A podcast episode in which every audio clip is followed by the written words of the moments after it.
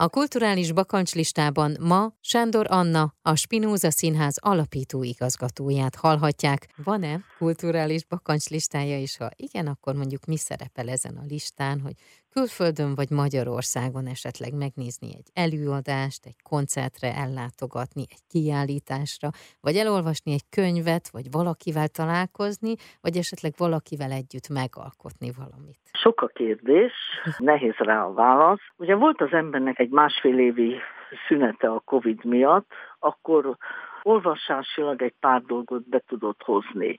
Utána a Covid után iszonyú éjsége volt az embernek színházra, mozira, mert ugye másfél évig ezektől nagyjából el volt zárva.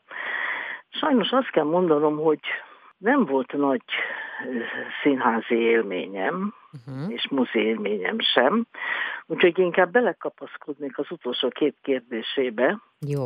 Van-e valaki, akivel együtt szeretnék valamit csinálni, vagy valakivel, akivel akihez szeretnék menni, akit szeretnék meglátogatni, akkor uh-huh. egy pillanatra itt megállok. Hogy ne? Össze négy színházi premiért szervezünk a Spinoza színházban.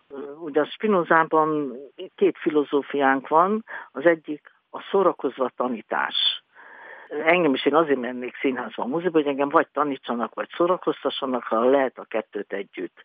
Mi a kettőt együtt csináljuk, minden előadásunk csak egy óra, és minden előadásunk ősbemutató, az azt jelenti, hogy mi találjuk ki, mi íratjuk meg, mi vagyunk a producer, mindent mit csinálunk. Na most ezt a három-négy bemutatót szervezzük, iratjuk, szírokat csak hazaiakkal dolgozunk, kortás hazai színdarabírókkal, hazai dramaturgal, rendezővel, színészekkel, hát ezekkel foglalkozom most, hogy ezeket jól megszervezzük. És hogy kit szeretnék meglátogatni? Igen. Brooke Edith egy erdélyi, máramaros születésű nőm, a 90 fölött van, Rómában él, holokaszt túlélő, és gyönyörűen ír a dolgokról, és őt szeretném meglátogatni. Ezt készítem elő. Én pedig akkor kívánom, hogy ez létrejöjjön, teljesüljön, bármi, ami a Spinoza színeházhoz kapcsolódik, illetve hogy ez a látogatás, és hogy olyan élménnyel térjen haza, hogy az, az nagyon meghatározó legyen. Köszönöm szépen. Én is köszönöm.